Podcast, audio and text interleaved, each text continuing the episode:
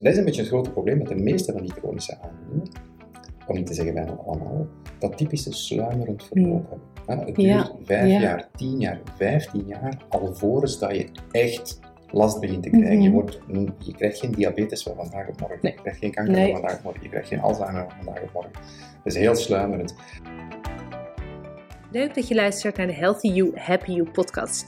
Ik ben Noor, koolhydraatarm diëtist, voedingswetenschapper en oprichter van leefstijlpraktijk The Nourishing State. Met mijn podcast neem ik je mee in de wondere wereld van koolhydraatarme voeding en een gezonde leefstijl. Ik laat je zien dat het echt niet ingewikkeld hoeft te zijn en samen met mijn gasten motiveer ik je om die volgende stap te zetten. Stap voor stap naar een gezonde leefstijl waar jij blij van wordt. Welkom bij de Healthy You, Happy You podcast. Ik ben vandaag met Wensel. Vertel, wie ben je?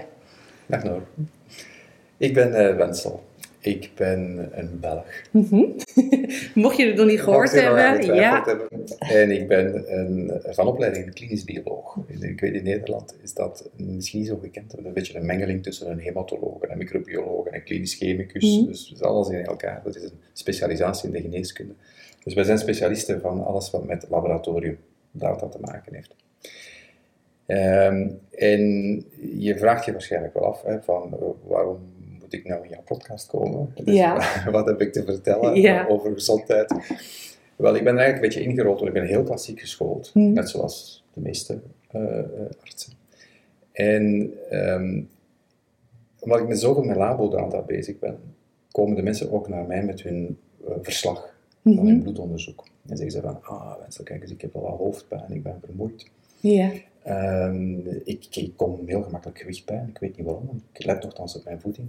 Kijk een keer naar mijn laboresultaten, Hmm. wat is er fout? En dan kijk ik daarnaar en dan zeg ik, ja, kan eigenlijk niet veel afwijkend zijn. Hmm. Dus het ziet er allemaal wel best oké uit. Maar goed, die mensen gaan dan naar huis en die blijven met hun klachten zitten. Ja. Dus het- het- het- bij mij dan toch stilletjes aan een belletje beginnen rinkelen van oké, de manier waarop dat wij naar die, die labodata kijken, dat is toch precies niet helemaal zoals het hoort. Ja. We missen toch blijkbaar Ja. een aantal dingen. En dan in mijn persoonlijk leven ben ik ook altijd heel geïnteresseerd geweest in alles wat met gezondheid te maken Mhm. Dus ik leef behoorlijk gezond. Ja. Hoe kwam dat? beweging.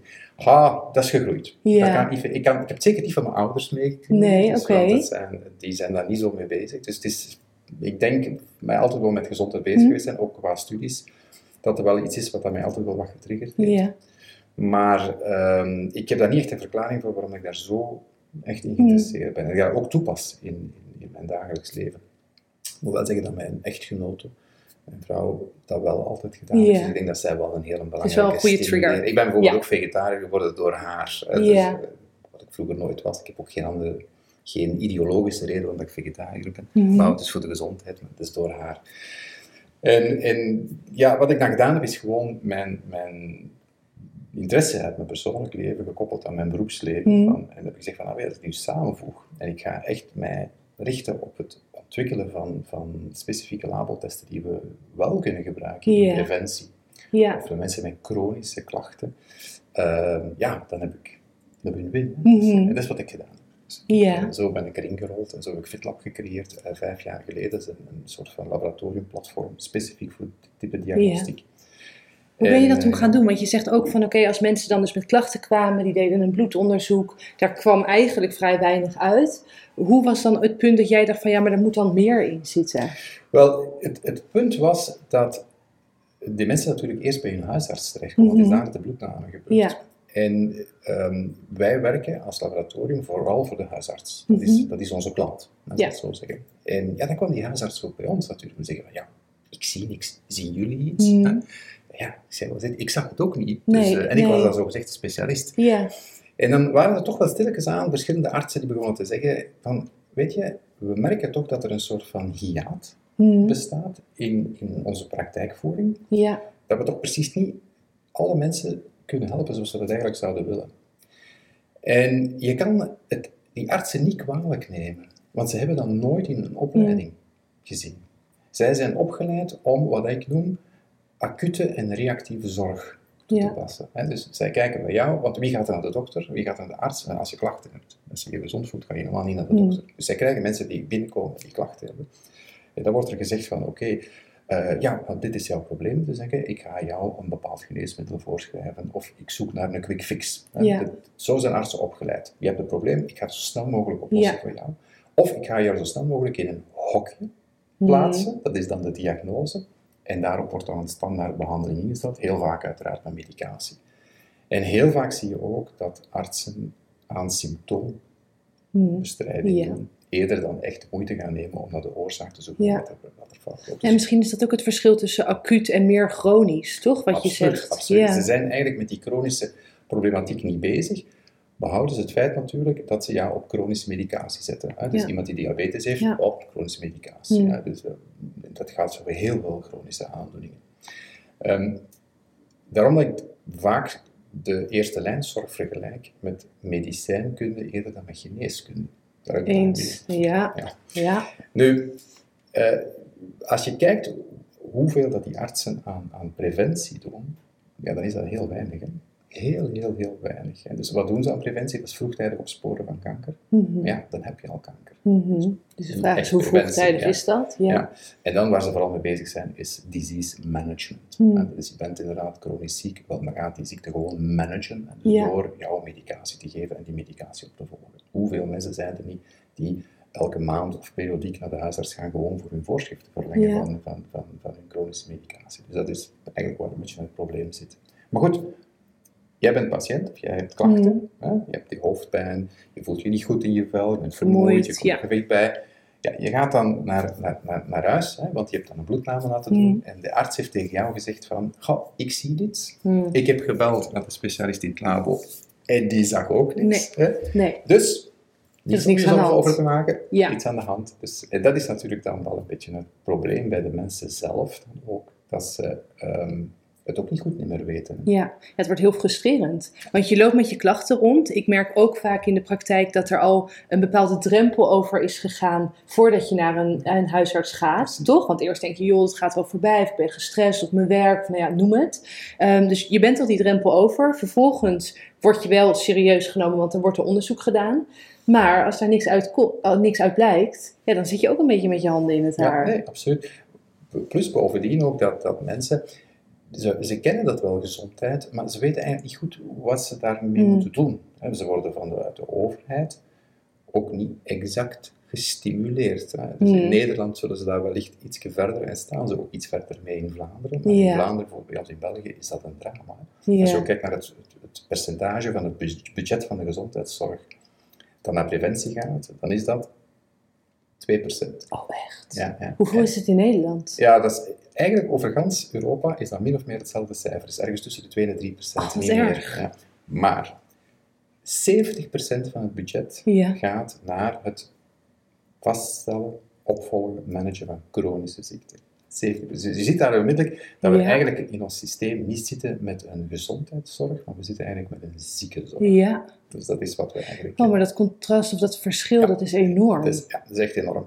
En dat maakt ook dat de mensen ja, niet echt de incentive hebben of echt niet, niet Mm. gestimuleerd worden om snel in te grijpen en snel naar die dokter te gaan. Ja. Je hebt het zelf al gezegd, om die drempel over te gaan, ja, het wordt niet inderdaad nee, wordt gestimuleerd. wordt niet, inderdaad niet gestimuleerd. Nee. En dus dat is een beetje het grote probleem met de meeste van die chronische aandoeningen, om niet te zeggen bijna allemaal, dat typische sluimerend verloop hebben. Hè, Het duurt Ja, vijf ja. jaar, tien jaar, vijftien jaar, alvorens dat je echt last begint te krijgen. Mhm. je, wordt, je krijgt geen diabetes van vandaag op morgen, Nee. je krijgt geen kanker Nee. van vandaag op morgen, je krijgt geen Alzheimer van vandaag op morgen. Dat is heel sluimerend. En dus wat zien we dus? Omdat er zo weinig gedaan wordt om de mensen vroegtijdig te sensibiliseren, omdat artsen ook niet goed weten hoe dat ze dat moeten aanpakken, als ze de mensen al te zien krijgen in het Hmm. Ja. zie je dus dat de mensen veel te vaak wachten tot het eigenlijk al een beetje te Hmm. laat is. hè. Het is nooit te laat, je kan altijd wel iets doen, maar heel vaak zitten ze toch wel in een verder... Ja, dat is inderdaad zonde. Ja. En dan heb je natuurlijk nog het probleem ook dat de mensen een beetje de bomen door het bos ook niet meer zien. hè. Mhm. Dus ze, ze, ja, vandaag de dag met het internet, ja, met de social media, je doet het open. Als je een beetje geïnteresseerd bent in gezondheid, dan moet je maar eens proberen te volgen welke adviezen dat er allemaal Er is zijn. heel veel. dus doe Ja. dit, doe dat. En staat doe haaks op elkaar. Doe dit en ze staan haaks Ja. op elkaar. En heel vaak zijn ze ook ehm, gebaseerd op wat ik dan noem anekdotische evidentie. Hmm. Dat wil zeggen, A, ik heb dat meegemaakt in mijn leven. Hè. Eh, Ja. eh, en dat heeft, ik heb dat gedaan en dat heeft mij geholpen. Dus, Dus het werkt voor ook jou ook jou. weer. Ja. Ja, zo werkt het natuurlijk Nee. niet. Dus er is echt ook wel nood aan, meer dan ooit, aan een, een serieuze wetenschappelijke basis. Mhm. Nu, die is er, hè. Dus, maar die moet ergens toch wel wat gestroomlijnd worden. Dus je ziet waar, waar een beetje de uitdagingen zitten. Je zit aan de ene kant met mensen die wel gezonder willen leven, maar helemaal niet weten Hm. hoe dat ze dat moeten doen. Ook helemaal niet gestuurd of, of aangemoedigd worden door de overheid om dat te doen. Aan de andere kant zit je met de artsen die het ook niet weten. Nee. hè. Dus, ja, en daar zat ik dan, Ja. als specialist van de labodata, die eigenlijk ook niet veel toegevoegde waarde kon, eh, kon leveren. En Mm. dan, heb ik toch, dan ben ik echt beginnen nadenken van te zeggen van hoe kan ik vanuit Ja. mijn specialisatie, kan ik dat nu beter maken? Wat kan ik bijdragen om ervoor te zorgen dat die arts meer tools heeft en dat die Ja. patiënt finaal sneller opgepikt wordt als hij klachten heeft en dus ook sneller Mhm. kan eh, gestimuleerd worden om zijn Ja. gedrag te veranderen. Want je zag daar dus wel mogelijkheid. Ja, Toch? wel, ik heb er wel lang moeten over nadenken. Het is niet Ja. zomaar in van vandaag op morgen gekomen natuurlijk. Hè. Maar wat denk je dat de grootste uitdaging is Ja. voor u, voor mij, voor de mensen, voor de dokters, om dat te doen? Wat is de grootste uitdaging? Waar loopt het fout? Wat denk je? Heb je daar een idee van? Ja, natuurlijk heb je daar een idee van. Maar Nou, ik, wa- waarom loopt het fout? Waarom, waarom krijgen we de mensen zover niet om die leefstijlveranderingen te doen? Wat dan zo evident is. Hè? Het is zo evident van zeggen, leef gezond, eet ik gezond. denk dat het veranderen van gedrag heel lastig is. Ja, maar waarom is dat zo veranderd? Wat is het- waarom is het zo lastig om dat gedrag te veranderen? Mm, omdat je ingeroest zit in je huidige gewoontes. Ja, ja. Weet- je, de, de belangrijkste reden is dat mensen niet weten wat er fout loopt in hun lichaam. Dat ze Ja. dat inzicht niet hebben van Dus wat die er precies- informatie ja, missen, Die, ja. die missen de informatie. En Ja. dat is echt cruciaal, want als jij niet weet wat er fout loopt in jouw lichaam en iemand komt tegen jou zeggen, ja maar eet gezonder of Hmm. beweeg, ja, dan kan je dat niet relateren tot wat Ja. er fout loopt in jouw lichaam. En dan begrijp je ook niet goed welke impact dat, dat gaat hebben en welke positieve impact dat gaat hebben op jouw leven. En dan zie je dat ook niet, dat, dat, de, wat dat uiteindelijk gaat geven. Ja. En dan moet je combineren met het feit dat artsen en zorgverleners ook even een andere mindset moeten creëren en niet altijd de held in het verhaal Hmm. moeten zijn. Ja, dat vind ik een interessante. Ja. Ja. Niet altijd moeten denken van, ah, ik heb mijn patiënt, die heeft een probleem en ik moet dat Ja. oplossen. En ik weet ook precies hoe, Ja. voordat ik die patiënt Ja. heb gezien. Hier is de oplossing. Dus ik, dat is mijn dwang, zo ben ik opgeleid, van ik moet een oplossing geven voor de patiënt. Nu, je moet eens voorstellen, stel dat je iemand hebt met eh, overgewicht. Hmm. En ik geef je twee scenario's. Het eerste scenario gaan we zeggen van, ah, nou, je hebt overgewicht, hè, buikomtrek gemeten, ah, het is echt niet Mhm. goed. Hè. Eh, je moet gezonder eten. Patiënt 1. Patiënt Ja. 2, exact dezelfde patiënt, maar we gaan het anders aanpakken. We gaan een bloedname bijvoorbeeld doen, en aan de hand van die bloedname gaan we uitleggen die patiënt van, kijk, ehm, je hebt van alle problemen in je lichaam die Mhm. vermoedelijk wel een verband houden met het Ja. feit dat je wat overgewicht hebt. Hè. Je hebt insulineresistent, hè. je hebt een cardiovasculair risico, je hebt ontsteking, hè, wat uiteindelijk ook kan leiden misschien op, naar Alzheimer op later Mhm. termijn. Ja, die mens, nadat je die wat uitleg gegeven hebt, dan zelf zegt van oei, misschien moet ik nu wel iets aan mijn gewicht doen. Hè. En als je dan zegt tegen die mens, ja, wat denk je, wat zou er voor jou werken, Ja, dat jij kan helpen, doen, wat ja. je om aan iets aan jouw gewicht te doen. Ja. En dat je dan de patiënt eigenlijk zelf laat kiezen van oké, ik zou dat kunnen doen, dat kunnen doen. Ik zou bijvoorbeeld minder frisdrank kunnen, kunnen, Mhm. kunnen drinken. Welke van de twee scenario's denk je dat het de meeste kans heeft op succes? Ja, twee. Uiteraard. Ja, want je bent dan natuurlijk bezig met een stukje intrinsieke motivatie vanuit de cliënt zelf, of je bent aan het opleggen. En de meeste mensen, ik zelf, word heel recalcitrant als, me- als iemand tegen me zegt: Oké, en zo gaan we het doen, toch? Ja. Want je krijgt dan een beetje een vingertje. Ja. Dat wil je niet. Nee, maar dat is wel wat dat er gebeurt. Hoe het gebeurt, ja. ja. Nu, ik spreek nog eens, mijn wereld is de artsenwereld. Hm. Ik spreek vooral vanuit de artsenwereld. Ik weet dat bij heel wat therapeuten dat dat al een Ja, hele want evolutie het doorgemaakt heeft. Ja, dat het ja. meer coachend is en dat het toch anders is. Ik wil daar echt wel die nuance Ja, maken. ja. Maar in België althans is de grote filter waar de mensen door moeten, is de huisarts. Hmm. Wanneer je dat draait verkeerd, Ja. ze komen zelden direct terecht bij, bij de coaching. Ze gaan Mhm. meestal eerst via de huisarts. ja. Als het bij ons in België niet via de huisarts passeert, dan is het precies niet niet kosher. Dus ik Mhm. denk dat uiteraard helemaal niet zo is, hè, maar dat is er nog altijd wel. Ja, is dat de heeft- gedachtegang? Ja, die huisarts heeft nog altijd een hele Ah. belangrijke rol. Dat is dan denk ik nog meer dan, of veel Ja. meer dan dat het in Nederland zo Ja, maar ik is. vind het ook wel niet slecht dat dat zo Nee. is, dat die huisarts moet ook wel, wel Een centrale rol hebben. is. Ja. Maar die huisarts moet natuurlijk ook wel evolueren van gewoon iemand die acuut reactief u Mhm. een bepaald probleem oplost tot een echte compagnon hè, Ja. voor de gezondheid van iemand. Hè. Dus die moet ook wel die evolutie doormaken. Dus die moet inderdaad op een heel andere manier daarmee naartoe gaan. Mhm. En ja, dan kom je natuurlijk bij de vraag van, oké, we weten nu waar het schoentje duwt, hoe gaan we het oplossen?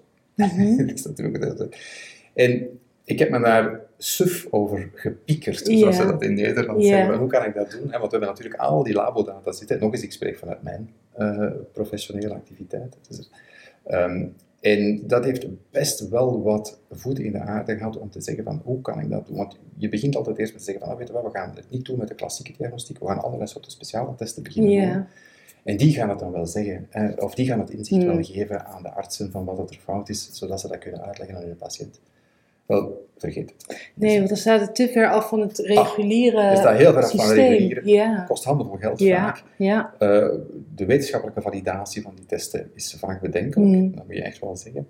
En finaal gezien haal je er zeker niet meer uit, in tegendeel, Nee. dan waarmee je klassieke, eh, eh, met klassieke conventionele diagnostiek doet. Dus na een aantal jaar daarmee bezig te zijn, hebben we het allemaal overboord gegooid. En zijn we teruggegaan naar die... Ah, want jullie zijn daar wel mee bezig Ah, we zijn er zeker mee bezig Oh, geweest. Ja, we zijn er heel mee bezig geweest. Als je gaat kijken naar FitLab twee, drie jaar geleden, Ja. dan zaten daar heel veel exotische testen ook nog bij. Maar Ja. die hebben we allemaal overboord gegooid, of toch de meeste. Hè. De goede hebben we wel gehouden, maar laten we zeggen. En we zijn echt terug naar de basics Hmm. gegaan. We hebben echt gezegd van, kijk, we we zagen ook dat we de arts niet konden overtuigen daarmee. Nee. Nee. Dus die, die, die zei van, oh, dat is veel te exotisch, we kennen dat niet, dat kost veel geld. Ik moet dan aan mijn patiënt 100 euro zeggen, dat dat 150 Hmm. euro gaat kosten. Dus- en we zijn terug naar die basis gegaan. En dan hebben we gezegd van, kijk, maar hoe kunnen we nu ervoor zorgen dat we veel meer informatie uit die basisdata kunnen halen, Ehm, zodat we veel sneller Ja. bepaalde problemen kunnen detecteren dan dat dat nu is. Want de, de, de manier waarop de data nu gerapporteerd worden, die zijn vooral, en je kent dat, hè, dus een een test met een resultaat Ja, en dan en een eh, referentie, referentiewaarde, ja. plusje en een minnetje naast als het er buiten ligt. Dat is echt gemaakt voor acute zorg. Dat wil zeggen, als je er buiten valt, hè, dus dan zal er wel een serieus probleem zijn. Maar als er chronische, in de aanloop van een chronische problematiek, waarbij de klachten veel sluimerender zijn, ja, dan ga je dat, dat niet zien. Dus dan kan het zijn dat je Mhm. perfect nog binnen een normaalwaarde, binnen Ja, een referentiewaarde ja. ligt, maar bijvoorbeeld aan de onderkant of aan de bovenkant. Ja, is dat niet En dan wordt er heel gemakkelijk over, ja, en dan wordt er heel vaak over gekeken. Dus wat hebben we gedaan? We hebben gezegd van, weet je wat, we gaan die referentiewaarden laten vallen Mhm. en we gaan verschillende labo-data die in dezelfde richting kunnen wijzen als er een bepaald probleem is, die gaan we oh, combineren, we gaan er een algoritme op zetten Mhm. en we gaan er dus op een heel andere manier naar kijken. En dat is eigenlijk wat we aan het finaal gecreëerd hebben. En dus wat is het doel? Het doel is dat we dus niet meer mensen noodgedwongen of doelbewust in een hokje willen duwen om te zeggen van dat is jouw diagnose, dan gaan we die behandeling geven. Nee, dat interesseert ons eigenlijk niet echt niet meer, die diagnose. Wat ons interesseert is van wat is de oorzaak? Waarom ben jij die klachten nu aan het vertonen? Of dat je dan binnen tien jaar, als je daar niks aan doet, diabetes krijgt, of. Alzheimer krijgt, of hart- en vaatziekten krijgt, dat interesseert ons minder. Waar het nu over gaat, is dat je hebt dat probleem, dat Ja. moeten we aanpassen om te vermijden dat je een van die drie ziektes gaat krijgen. Want welke ziekte dat je finaal gaat ontwikkelen, dat kan je op voorhand niet voorspellen. Hmm. Dat hangt ook af van jouw genetische constitutie. Mhm. Ja. Dus, maar je kan wel die oorzaak gaan aanpakken. En dus wat we gedaan hebben, is, we kijken dus niet meer naar individuele organen. Ja. Want ik moet wel zeggen dat onze geneeskunde vandaag zo sterk gespecialiseerd is, Ja. dat we alleen nog naar individuele Ja. organen kijken. Maar dat is zo- dat is zo'n gek idee, want het is één lichaam. Ja, ja, maar dus we zijn die holistische view Ja, totaal kwijt. Ja. We kijken alleen nog maar naar, ah, het is mijn schildklier, hè, en dan kijken ze alleen naar de schildklier. Ah, dat is jouw hart, dus kijk alleen naar het Ja. hart. Dus, is de andere zaken worden gewoon niet meegenomen. En ja, dat maakt natuurlijk dat, dat het lichaam is veel meer dan gewoon een hoop organen die verder niks Mhm. met elkaar te maken hebben. Dus het is Als het eigenlijk- één niet werkt, als er natuurlijk ergens een verschuiving plaatsvindt, dan, dan raakt iets anders ook uit balans. Dat kan niet anders. Ik maak altijd de vergelijking met een Zwitsers horloge. Ja. Dus, hebben allerlei tandwieltjes aan elkaar Hmm. hangt. En als je er eentje uithaalt of eentje niet werkt, ja, dan gaat heel jouw, Ja. gaat het uur niet meer juist zijn. Nee. Zoals het er eh, aangegeven staat. En zo werkt het, het, het, het, het menselijk lichaam ook. Dus wij gaan dus die algoritmes toepassen om niet meer te gaan kijken naar de werking van een individueel orgaan, maar wel naar de belangrijkste biologische processen. We gaan Hmm. kijken, is er ontsteking? We gaan kijken, hoe zit het met de methylatie? We gaan kijken hoe zit het met de cardiometabole status, dus Mhm. met, de, met de manier waarop je met suikers omgaat en vetten omgaat. We gaan kijken naar, naar jouw lever, de, de capaciteit van jouw lever om te detoxificeren. En we gaan kijken naar eh, hormonale eh, Mhm. balans. Dus dat zijn al die factoren die we gaan bekijken. En waar je dan finaal dan eigenlijk toch wel een heel ander beeld krijgt, op basis van dezelfde data, Ja, over hoe het nou precies met jou ja. gesteld is. maar juist dus door die combinatie, toch? Ja. Dus dat je, omdat je niet meer zo inzoomt op iedere test los, Ja. maar dus combineert Ja, en een soort van profiel Ja, krijgt. absoluut. En Ja. we gaan ook rekening houden met een aantal klinische gegevens van de patiënt, de bloeddruk, de Ja. buikomtrek. Dus die worden ook allemaal meegenomen in, dat, in dat verhaal. En dan krijg je echt wel een heel mooi beeld van hoe dat met jou gesteld is. En dat werkt echt in preventie. Mhm. Als je helemaal geen klachten hebt, maar je wil gewoon weten hoe goed dat je bezig bent. En het werkt ook bij mensen met chronische klachten. Ja, Of met vage klachten. precies. Vooral inderdaad helemaal die duidelijk vage is wat het is. klachten. En dan kan Ja. je gaan zeggen van, kijk, oké, we zien toch daar en daar dat het brandt. En als je dat dan uitlegt aan de patiënt, en je zegt dan van, van kijk, wat denk jij dat je in je leven kan veranderen Hmm.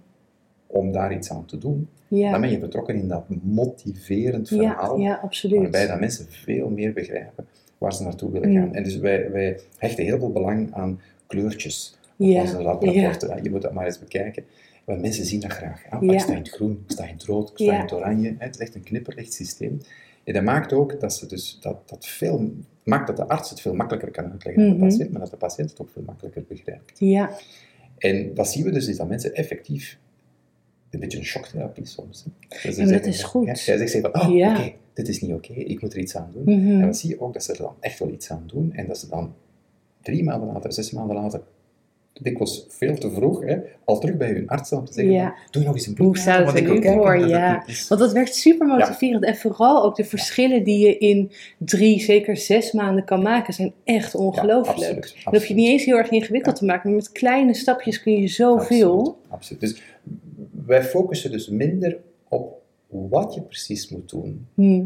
om gezonder te worden. En Ja. dat is natuurlijk waar heel veel mensen wel op focussen. Hm. Hè, je moet dit doen, je moet dat, je moet dit enzovoort. Voor mij is dat, ja, weet je, eet gezonder, beweeg meer, Hmm. doe iets aan je stress, slaap beter. Natuurlijk makkelijker gezegd dan gedaan, dat weet ik ook wel. En daar kan wel wat gespecialiseerde hulp bij nodig zijn om Mhm. mensen daarin te coachen. Maar daar komt het eigenlijk altijd op neer. Maar om de mensen dat te laten doen, Ja, en echt in de Daar- actiemodus te ja, krijgen. daar zit een hiaat. Hè? Ja. En, en dat proberen we eigenlijk eh, op te vullen. En het gaat verder dan testen. Hè? Dus wij, wij, FitLab is natuurlijk heel sterk gefocust op die testen, Mhm. die trouwens heel goedkoop zijn. Hè? Dus Mhm. die, die heel toegankelijk zijn, maar die heel veel informatie geven. Waar de arts ook heel snel mee kan werken, want ja, de arts heeft ook niet zoveel tijd. Want hoe zijn de reacties van artsen? Oh ja, heel positief. Ja. Oh, ja die, die, die, die, dit is wat ze nodig hebben. Ja. Dit, dit is de, letterlijk de reactie die wij krijgen van, daar staat te wachten. Ja, kan ik me voorstellen. Want ik heb ook wel regelmatig huisartsen aan de telefoon die zeggen: joh, ja, je hebt deze bloedonderzoeken gegeven, maar ik weet eigenlijk niet hoe ik Ja. moet interpreteren. Ik weet niet zo goed wat ik ermee moet. En dat zijn dan de eerlijke reacties. Dat zijn niet de, de dichtslaande deuren die ik krijg. Ehm, want dan kun je nog in gesprek gaan. Dan kun je ook aangeven van: joh, ik wil dat, ik, ik doe dat. Ik zou je ook een rapportage sturen, zodat je ook weet wat, wat er besproken is en wat de conclusies eruit zijn. Dus ik kan me heel goed voorstellen dat je, nou ja, als huisarts zijn die tools en die handvatten, als je die aangereikt krijgt, Ja. dus je kan, nog, je kan daadwerkelijk je, je patiënten helpen. En Ja, dat nee, is wat je wil. Ja, ze zijn, ik, ik moet zeggen, ik was vorige week nog in een grote groepspraktijk. Ja. En die, die hebben dat nu dat beginnen gebruiken. Mhm. Blind, positief. Dus Ja. we moeten iets meer tijd uittrekken voor de patiënt. Maar we, we gaan gewoon veel sneller vooruit. Mhm. Dus, eh, en ook wat belangrijk is, ik heb gezegd, FitLab is veel meer dan labo-testen. Dat is ook iets wat ik niet deed vroeger, maar wat ik nu sinds een jaar doe, is heel actief bezig, ook op social media. Ja. We hebben ook nu podcast. Hè? En, Ja. en ehm, eh, daardoor dragen we ook een steentje bij om meer informatie Mhm. en juiste informatie Een stukje aan, bewustwording. ja, Ja. aan het grote publiek te geven. En we zien ook de artsen dat ook oppikken. En de combinatie van de twee, Mhm. en heel wat artsen die zeggen tegen hun patiënten, in het kader van wat ze doen nu, met die FitLab-testen, van luister ook eens naar die podcast. Ja. Dus Ja. en Je bent zo zaadjes aan het planten. ja, dat ja. is heel wel, mooi. het is meer dan zaadjes. Ik heb, dat, ik heb dat eigenlijk ervoor gedaan, maar ik ben er al vijf jaar mee bezig. Ik heb drie, vier jaar zaadjes geplant, maar moest ik moeten leven van de zaadjes die ik geplant heb. Ik zat in het China van de jaren 60, hè, dus eh, daar zou ik niet van kunnen geleefd hebben. Dus dat was zo frustrerend dat die zaadjes niet ja. pakken. Nu ja, dat zijn geen zaadjes. Nu hebben we echt iets Ja. dat, dat, dat werkt. Ja. En, maar goed, het heeft wel vijf jaar geduurd voordat we dat hebben. Maar nu hebben we dat wel, dus zijn we wel best tevreden over. Ja. Dus, eh, en ik voel nu ook, we zien dat ook in de groei van, van Laarsen die ermee mee, mee starten. We zien dat in de groei van de social media. We zien dat in de groei van, van, van de interesse voor de podcast. Dat, eh, ja, dat dat echt heel sterk begint te leven. En goed, ja, weet je, als, als, als iemand die daar zijn hart en zijn ziel in gestoken Mhm. heeft, als je dan merkt dat dat dan finaal het resultaat is, ook Ja. al is het vijf jaar geduurd, ja, dan, dan, Dan is het wel geeft de dat moeite. voldoening. Ja, Ja. dan geeft dat wel voldoening. Dus dat was een primeur. Ja, Nou, Want dat verhaal heb ik over nooit jouw verteld. verhaal. Dat Ja. heb ik nog nooit verteld. Ja. Dus eh, je hebt de primeur. Dat ik dat verhaal heb. Dat ik vond het wel eens fijn om het te kunnen vertellen. Ja, nou ja, het is mooi om ook te zien wat iemand achter een bedrijf of achter een professie of wie, wie iemand daadwerkelijk is en wat ook motiveert. Ja. Want ik vind dat ook, als ik het dan dus inderdaad heb over zaadjes planten, dat je ook weet ehm, waarom iemand ergens zo bevlogen over is en waarom iemand eh, jou met leefstijl, met gezondheid wil helpen. Toch? Dat geeft een veel, Absoluut. een veel duidelijker beeld. Absoluut. Dus bij deze. Ben je klaar om in actie te komen? Top! Toch wat twijfels of vragen? Je hoeft het niet alleen te doen. Plan via onze website www.thenursingstate.com een vrijblijvend kennismakingsgesprek in. Dan denken we persoonlijk met je mee of een koolhydraatarme leefstijl ook bij jou past. Tot slot wil ik je om een kleine gunst vragen. Wil je de Healthy You, Happy You podcast beoordelen op Spotify of Apple Podcast? Dan kan ik nog meer mensen helpen naar een healthy, happy leven. Dankjewel en tot de volgende keer.